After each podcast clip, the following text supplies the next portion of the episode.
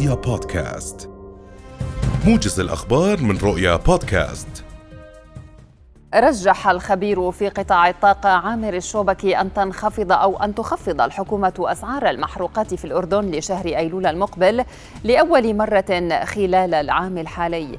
الشوبكي توقع في حديث لرؤيا اليوم أن تخفض الحكومة سعر مادة البنزين 90 بنسبة 4% بواقع أربعة قروش للتر الواحد و6% على مادة البنزين 95 بواقع سبعة قروش للتر الواحد وقال إن تخفيض الحكومة لأسعار المحروقات للشهر المقبل سيكون الأول بعد خمس رفعات متتالية على الأسعار. توقع الناطق باسم وزارة التعليم العالي والبحث العلمي ومدير وحدة تنسيق القبول الموحد مهند الخطيب توقع بدء استقبال طلبات القبول الموحد للجامعات الأردنية منتصف الأسبوع المقبل. موضحا أن عملية تسجيل طلبات الالتحاق في الجامعات ستكون إلكترونية بشكل كامل. وقال الخطيب إن الوحدة ستقوم بإطلاق موقعها الإلكتروني. محدثا بالبيانات والمعلومات اللازمة لعملية القبول الموحد للعام الجامعي المقبل خاصة التخصصات المطروحة للقبول. وأشار إلى أن مجلس التعليم العالي سيعقد اجتماعا اليوم لمناقشة تقرير ديوان الخدمة المدنية بشأن التخصصات المشبعة والراكدة. قال الناطق الإعلامي باسم وزارة الداخلية طارق المجالي إن الوزارة بدأت بتطبيق قرار الحجز المسبق الإلكتروني للمغادرين. جسر الملك الحسين. وأضاف المجالي في حديث لرؤيا أن الحجز المسبق جاء لمنع حدوث ازدحامات كالتي حصلت منتصف تموز الماضي مؤكدا أن الحركة طبيعية منذ ثلاثة أسابيع على جسر الملك الحسين ولا توجد ازدحامات. وما حدث الشهر الماضي سببه رغبة المغادرين للاصطياف وتزامن ذلك مع عودة الحجاج والمغتربين ما أدى لحدوث ازدحامات على الجسر.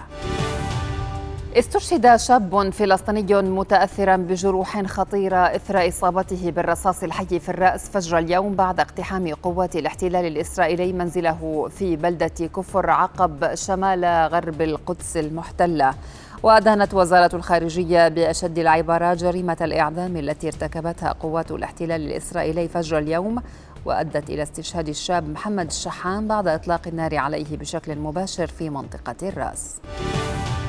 حذر رئيس بلدية زابوروجيا من خطر وقوع كارثة في المحطة النووية الخاضعة لسيطرة القوات الروسية وسط تبادل الاتهامات بين كييف وموسكو بالتصعيد منذ أكثر من أسبوع.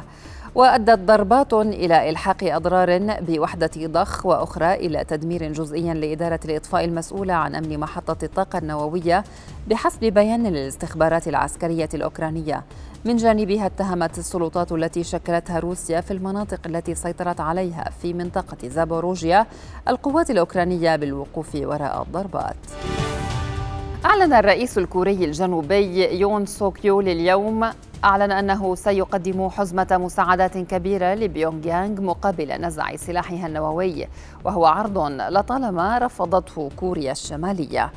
ويأتي اقتراح سيول بعد أيام على تهديد بيونغ يانغ بالقضاء على سلطات كوريا الجنوبية على خلفية التفشي الأخير لفيروس كورونا في الشمال وبعد أقل من شهر على إعلان الزعيم الكوري كيم جونغ أون أن بلاده مستعدة لتعبئة قدراتها النووية في أي حرب مع الولايات المتحدة والجنوب.